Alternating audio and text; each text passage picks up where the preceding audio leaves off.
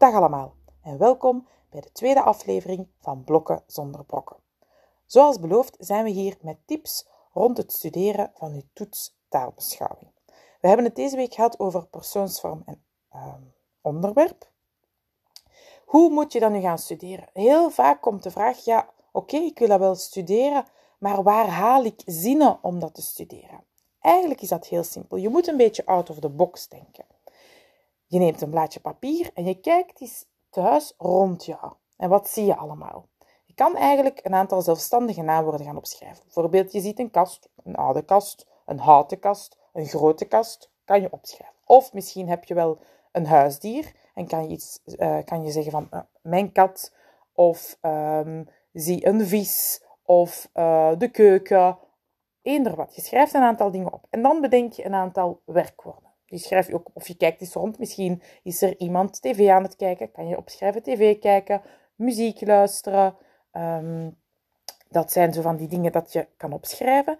En dan leg je die allemaal voor jou, die kaartjes. Je draait die om, zodat je de woorden niet ziet staan. En dan trek je een aantal kaartjes. En daarmee maak je dan een gekke zin. Dat is jouw eerste zin. En zo doe je dat met een aantal kaartjes. Zo krijg je een aantal zinnen. Ik zou toch zeker een tiental zinnen bedenken. Als je zegt, oh, dat is niet zo mijn ding, kan je het ook op een andere manier doen. Je kan ook je werkboek erbij nemen, je, je tekst van taal, je leesboek en daar een aantal zinnen uithalen. Dat kan je ook doen. Of je zegt, ik wil een aantal woorden verstoppen in huis en de woorden die ik tegenkom, daarmee maak ik zinnen. Dat kan je ook doen, dan ben je een beetje actief bezig. Dat is ook wel heel erg fijn. En als je dan die tien zinnen hebt, dan ga je op zoek gaan naar de persoonsvorm en naar het onderwerp.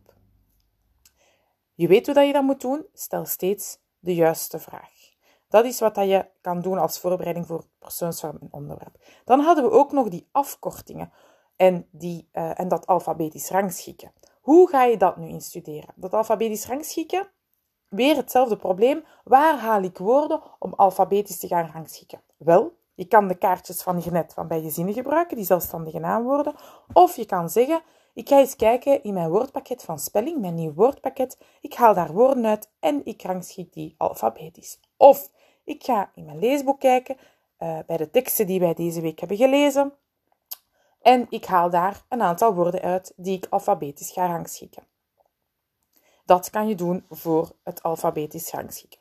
Voor je afkortingen zou ik um, een aantal afkortingen opschrijven en die gaan opzoeken in mijn woordenboek. Want dat is eigenlijk het belangrijkste dat je correct kan gaan opzoeken. Tijdens de toets mag je ook je woordenboek gebruiken. Dus zorg dat je weet hoe je daarmee moet werken. Dat is het eigenlijk voor je toets van taalbeschouwing.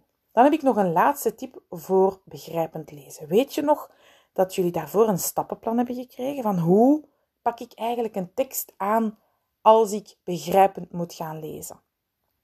Volg dat stappenplan stap per stap. Neem je tijd daarvoor. En je gaat merken, als je dat stappenplan hebt toegepast en als je je schema hebt meegebracht, dan mag je dat schema ook gebruiken tijdens de toets. Dat gaat u vooruit helpen. Dan ga je begrijpen wat er in die tekst staat. Als je gewoon je tekst gaat lezen, zo heel in de rapte, dan gaat er niks blijven hangen. En dan ga je tijdens de toets moeilijk hebben. Ja, dus zorg dat je weet wat er in die tekst staat. Vertel het ook eens aan jezelf. Wat heb ik nu net gelezen?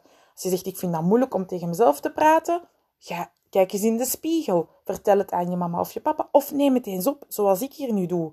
Neem er iets bij waar je op kan opnemen, dan hoor je jezelf bezig. Ja, dat is eigenlijk wel best grappig en je kan jezelf ook onmiddellijk gaan corrigeren. Voilà, dat zijn de tips voor deze week.